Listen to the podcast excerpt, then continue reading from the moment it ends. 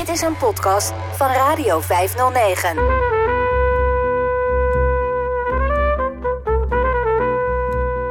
Nou, ik vind dat het echte, dat is het laatste echte piratenavontuur.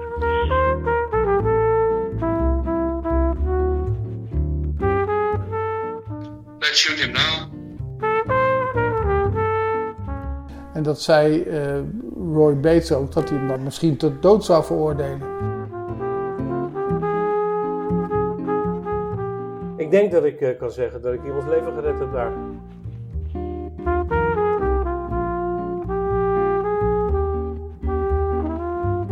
Dat ik ze anders wel kwam, kwam vermoorden of zo.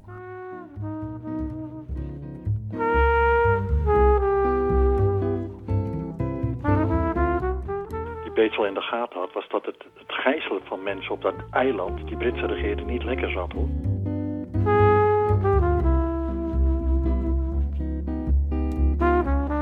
Die naam al. Eh, hij heeft allerlei wapenfeiten op zijn naam staan die, die wel vrij dubieus zijn. Want het is eigenlijk de enige getuige, dat is hij zelf.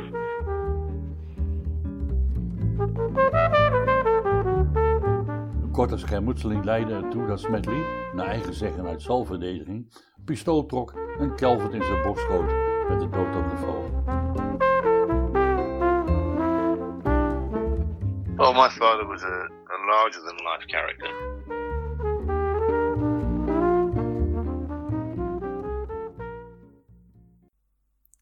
Het is 1978 als er een eerste staatsgreep plaatsvindt op Sealand. Sealand? Ja, Sealand. Dit oorspronkelijke luchtafweergeschutplatform uit de Tweede Wereldoorlog, genaamd Rough Tower, gelegen 10 kilometer uit de kust van Engeland, is in 1967 door prins Paddy Roy Bates uitgeroepen tot het onafhankelijke prinsdom Sealand. Midden jaren 70 wist ene Alexander Achenbach, Duitser, contact te leggen met Paddy Roy Bates. Hij werd benoemd tot minister van Buitenlandse Zaken van Sealand. Verschillende andere, op zijn minst bijzondere Duitsers, sloten zich bij Achenbach aan. Zakelijke oneenigheid tussen de Duitsers en de familie Bates leidde tot deze staatsgreep. Duitsers, 10 kilometer van de kust van Engeland, in de jaren 70 op een oorlogsplatform. Hmm, Little Germany, hoe lang zou dat duren? Dit is slechts een van de vele avonturen welke zich de afgelopen 80 jaar rondom het eiland en de familie Bates heeft afgespeeld.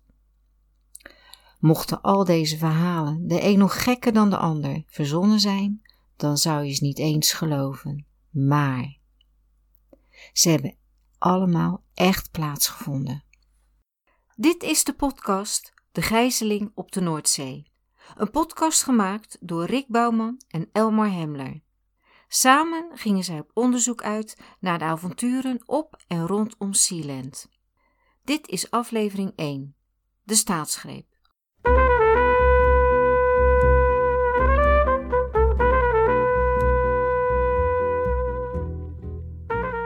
Well, my father was a, a larger than life character. Um, and he certainly wasn't one, as we can see, to give up on anything. Um, but he he was. Uh, I mean, he was the, he was the only person I've ever met that said he enjoyed the war.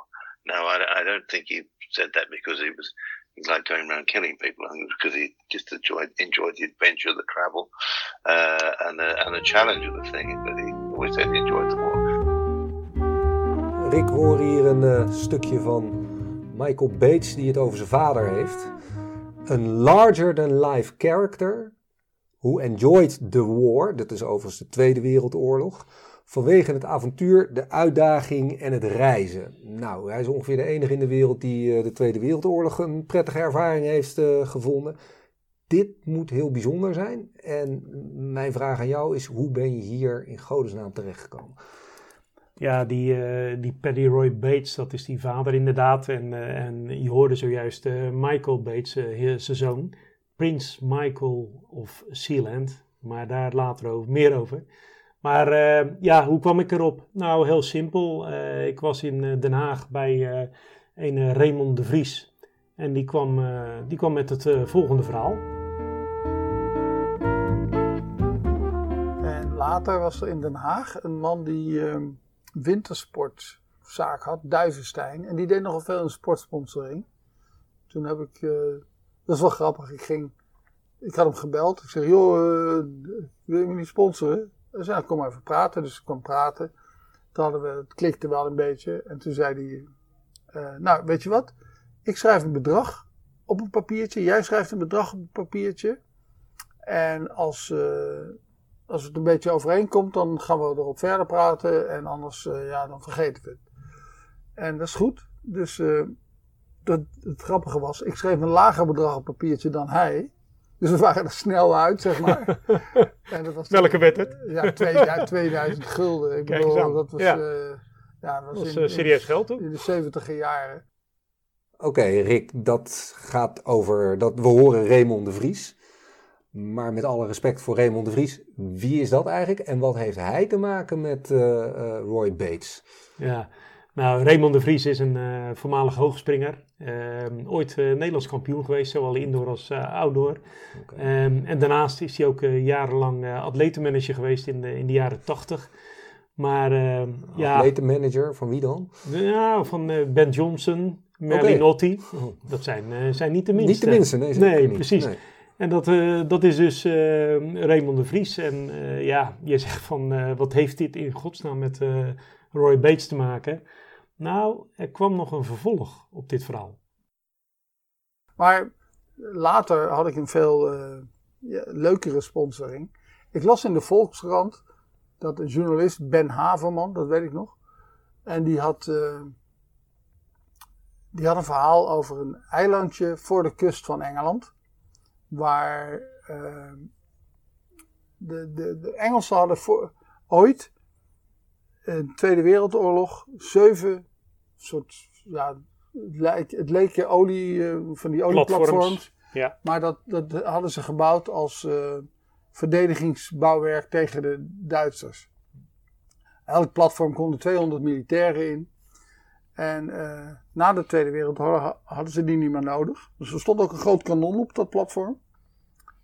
Toen is er een, een Engelsman, Paddy Roy Bates. Hij heette Roy Bates, maar Paddy was eh, zijn bijnaam. Die was een, de meest gedecoreerde eh, officier uit het Engelse leger in de Tweede Wereldoorlog. En die besloot zo'n eiland voor zichzelf te pakken. Want het was buiten de territoriale wateren. Het was verlaten. Volgens alle zeerechten mocht hij daar gewoon gaan zitten. Het was van hem. En die is daar op zo'n één zo'n eiland gaan zitten. En de- hij werd uitgelachen door de, de, de pers en zo van ja, dat kan helemaal niet. En eh, nou, ze vonden het nogal raar. En die is, heeft toen zijn eigen prinsdom opgericht. Eh, hij had een minister van Buitenlandse Zaken en minister van Binnenlandse Zaken. Was nog een Duitser ook, geloof ik. Ja, dat was een Duitser. ja. Ja. Ach- Achenbach was de Ja. minister van Buitenlandse Zaken. En Met geld. Ene, ene, ja, met geld. Nou ja, althans, hij deed alsof, heel goed. En ene Brinks, Ja. dat was dan de andere. dat- ja, het waren echt ook van die hele stereotype foute Duitsers. Ja, sorry, ik, ben- ik ben gek op Duitsers, maar Ja. stereotype fouten, de- daar, daar leken ze ook heel erg op. Maar goed, ehm, dus, en hij had, eh, die Achenbach, Ach- de, sorry, Bates, had een eh, nou, idee met die Duitsers. Er zou heel veel geld in gepompt worden op, in dat eiland.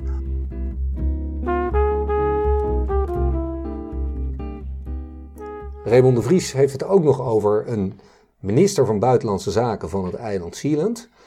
Eh, een zekere Achenbach. Eh, een Duitser, notabene op 10 kilometer voor de kust van, eh, van Engeland. Wie is dat eigenlijk, die Achenbach? Hij had een kippenfarm. en van daaruit ging hij allerlei dingen doen die wat met Zealand te maken hadden. Maar verder, hij was al lang uitgespeeld. Hij had voldoende geld in de diamantwereld. En eh, in Zwitserland had hij al dat geld staan.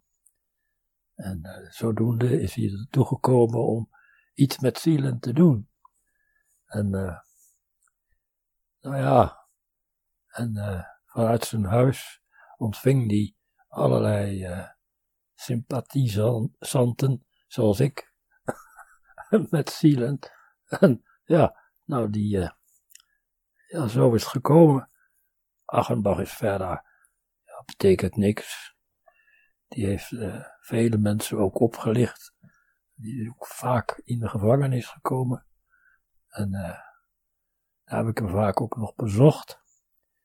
En, maar ja, verder, wat kan ik ervan zeggen? Dat was Achenbach. Had wel humor zijn? Ja, dat had hij ja. Dat is Achenbach. Maar wie is het eigenlijk? je, je hoorde zojuist door die uh, Adriaan Ome. Adriaan Ome is uh, een Haagse advocaat. Uh, en die heeft in het verleden regelmatig, zoals hij zojuist ook vertelde, met, met die Achenbach te maken gehad. heeft hem ook een aantal keren moeten verdedigen. En ja, Adriaan Ome die, die is dus ook duidelijk in dit verhaal betrokken. Ik ben bij hem langs geweest en fantastische verhalen van hem mogen vernemen, die, die we ook zeker nog te horen gaan krijgen. Ik begreep trouwens dat het een behoorlijk gerenommeerde advocaat is ook nog. Absoluut, absoluut. hij was destijds in de jaren 70, 80 ook druk bezig met volkenrechten. Dat, dat was zijn specialisatie. Ja, hij was een autoriteit is, op dat gebied. Autoriteit, absoluut. En ehm, dat, ja, dat, dat zal wel naar voren komen ook later in, in ons verhaal. Want ik heb veel over hem gelezen. En ik heb hem ook gelukkig mogen spreken. Um, ja, maar die, uh, die, die betreffende Achenbach, die, ja, Raymond de Vries, die we al eerder natuurlijk gehoord hebben, die, uh, die is bij hem thuis op bezoek geweest. En dat ging over een sponsorcontract. Oké, eerst even mijn sponsorverhaal. Ben Haverman schreef daarover. En toen heb ik die lui opgebeld. Jullie hebben publiciteit nodig en hebben geld. En ik heb geld nodig en ik heb publiciteit. Nou, kom maar eens praten. Nou, ik naar, met die Briens en Achenbach gaan praten. En uh, nou, toen kwamen we tot een akkoord dat ze mij zouden uh, gaan sponsoren. Ik zou de nationale atleet van Sealand worden. dat, had, dat had een paar leuke consequenties. Uh, nou, ene, dat ik ervoor betaald werd al een stuk beter dan bij Duivenstein.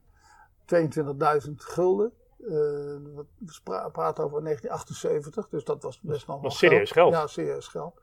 En, uh, maar het had ook, de, er moest een nationaal Sealand tenue komen voor sport. Dus ja, mode, modeontwerpster die heeft voor mij een heel leuk Sealand eh, wedstrijd tenue gemaakt. Ja.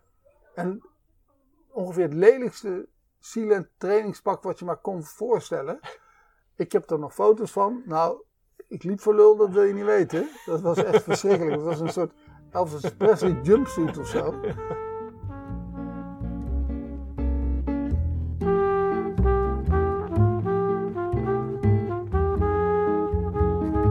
Ik dacht dat dat een hardloper was. Nee, hij was hoogspringer en, en hordenloper.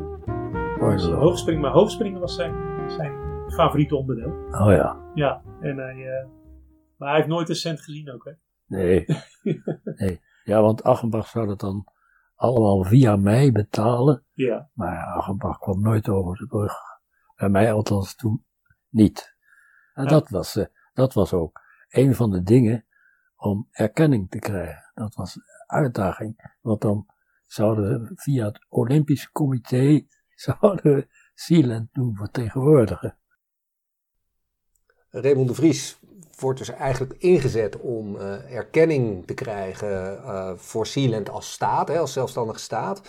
En het uh, Internationaal Olympisch Comité is natuurlijk een, een geweldig middel daartoe. Maar ik kan me voorstellen dat ze meer nodig hadden dan alleen het Olympisch Comité. Ja, zeker. En ze hebben ook allerlei manieren geprobeerd om die erkenning te verkrijgen.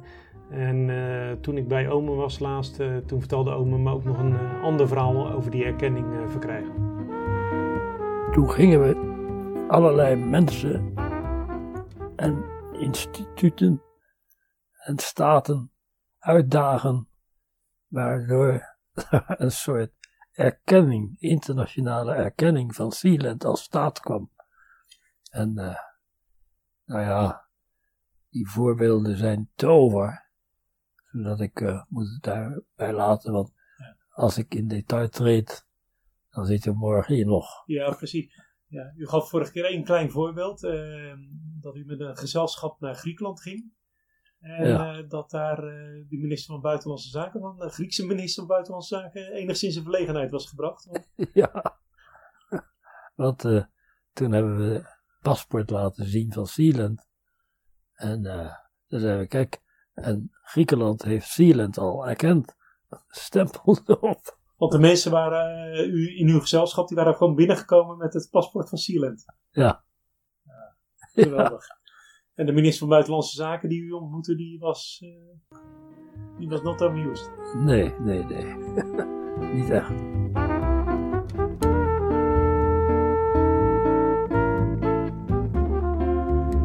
Jij bent dus op bezoek geweest bij eh, Adriaan Omen. Met eh, veel mooie verhalen over eh, de erkenning van Sealand. Maar volgens mij had hij nog wat meer mooie verhalen. Ja, hij had eh, prachtige verhalen. En eh een daarvan was eh, zelfs over eh, Willem van Koten, alias eh, Joost en Draaier. Ik neem aan dat, je, dat jij hem ook nog wel kent. Eh, ja, wereldberoemd in Nederland als de discjockey van Radio Veronica natuurlijk. Precies, precies. En eh, ja, daar had hij een mooi verhaal over. Van Koten.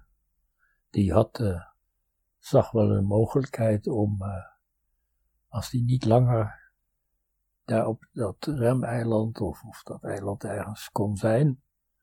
En ook niet hier met zijn boot kon vonken. Ja. Eh, toen, eh, dus toen dachten we, nou ja, dat is misschien een alternatief. Voor de nieuwe, zee, nieuwe zeezender. Ja. Oma had dus een mooi verhaal over Willem van Koten. Maar Willem van Koten kon zich oma ook nog wel herinneren. Ja, die heb ik wel mee, want dat was de advocaat waar we ter- bij terecht kwamen. En dat, dat, dat was een nette vent, dat was de enige. De rest vond ik allemaal een beetje, een beetje obscuur, laten we het zo maar zeggen.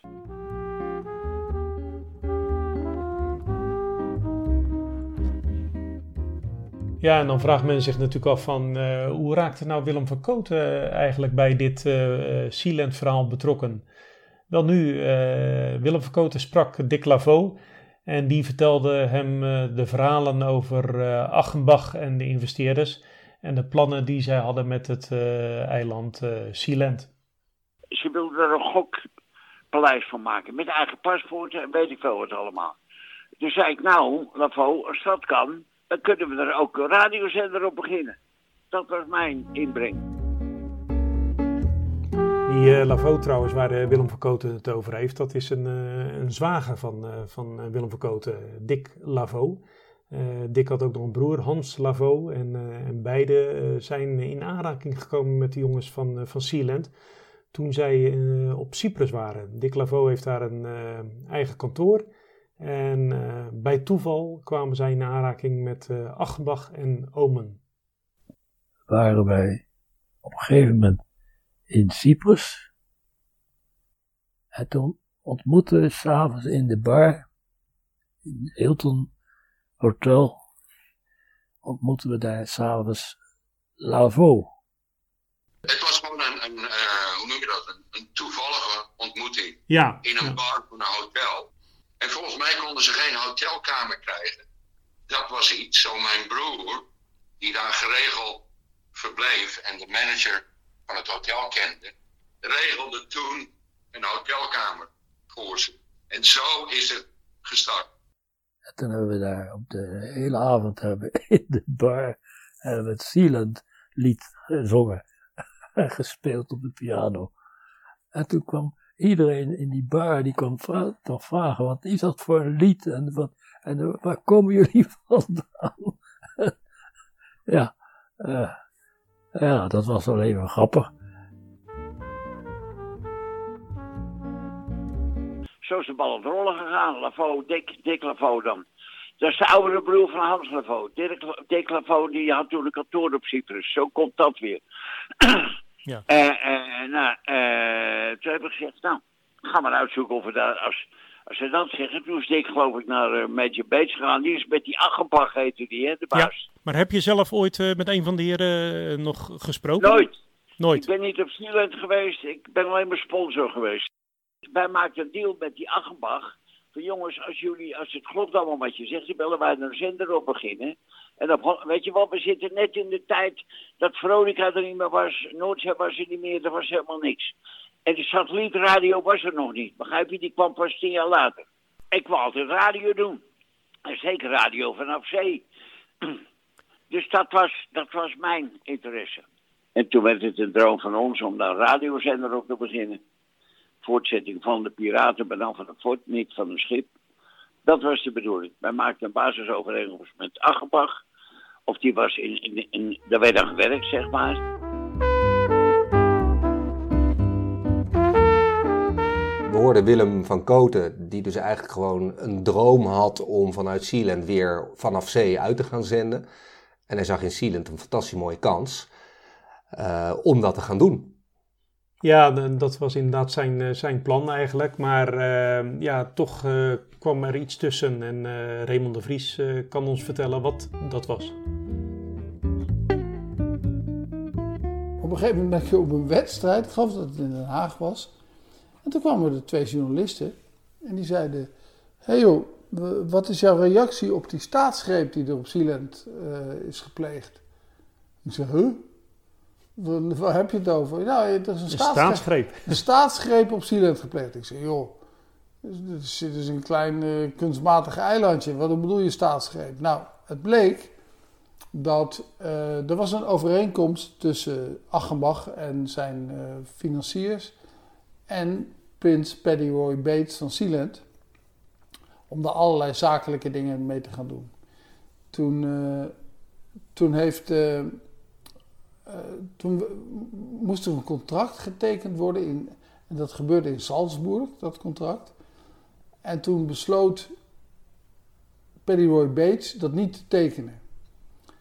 Terwijl die Duitsers, die hadden er al miljoenen ingestopt. Ja, dat vonden die Duitsers niet leuk. En wat deden ze toen? Toen hebben ze met uh, mercenaries, met huurlingen, hebben ze dat eiland bezet.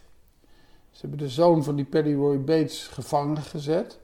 Het was niet helemaal, er werd niet veel veel geschoten, maar er werd wel gevochten. Dus het was een ja, gewelddadige staatsgreep, zeg maar. Ja. En dat is geen wat je, wat je hoorde van die journalisten ja, toen? Ja, dat kwamen die journalisten me vertellen. Ja. Dus dat was, nou, dat was... Leverde weer een hoop publiciteit op, moet ik zeggen. Dat, ja. dat is natuurlijk prachtig, zo'n operette staatsgreep.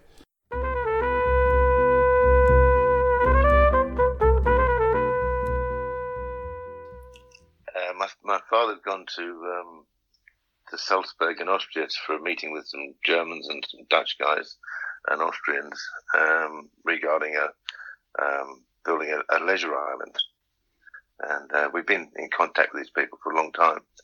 And when he was there, I, I think they didn't reach an agreement. So the nasty Germans decided to invade, and they sent a, a helicopter out with some with a film crew, a German film crew, filming everything as it happened, and uh, and uh, a couple of um, a couple of people. One of them had a Sealand passport, and the other guy I'd never met before. But anyway, they they couldn't land, and they came down on a winch wire, and uh, and they were trying to convince me that my father had.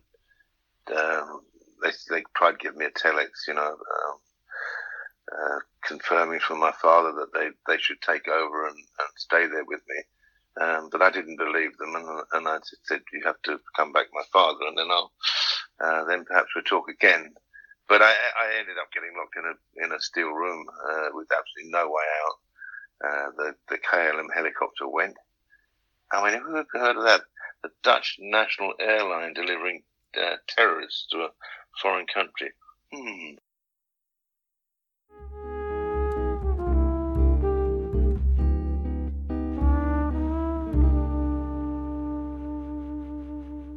Dit was aflevering 1 van de podcast De Gijzeling op de Noordzee. Met plezier geluisterd naar deze aflevering, dan is het fijn als u een positieve beoordeling wil geven. U kunt zich abonneren op deze serie. In de volgende aflevering van De Gijzeling op de Noordzee. Waarop zij zeiden: nee, er is weer een staatsgreep gepleegd. So he had lied to me die zender zou worden gebruikt door de Russen. Eh, dus het was een soort spionagezender als het ware.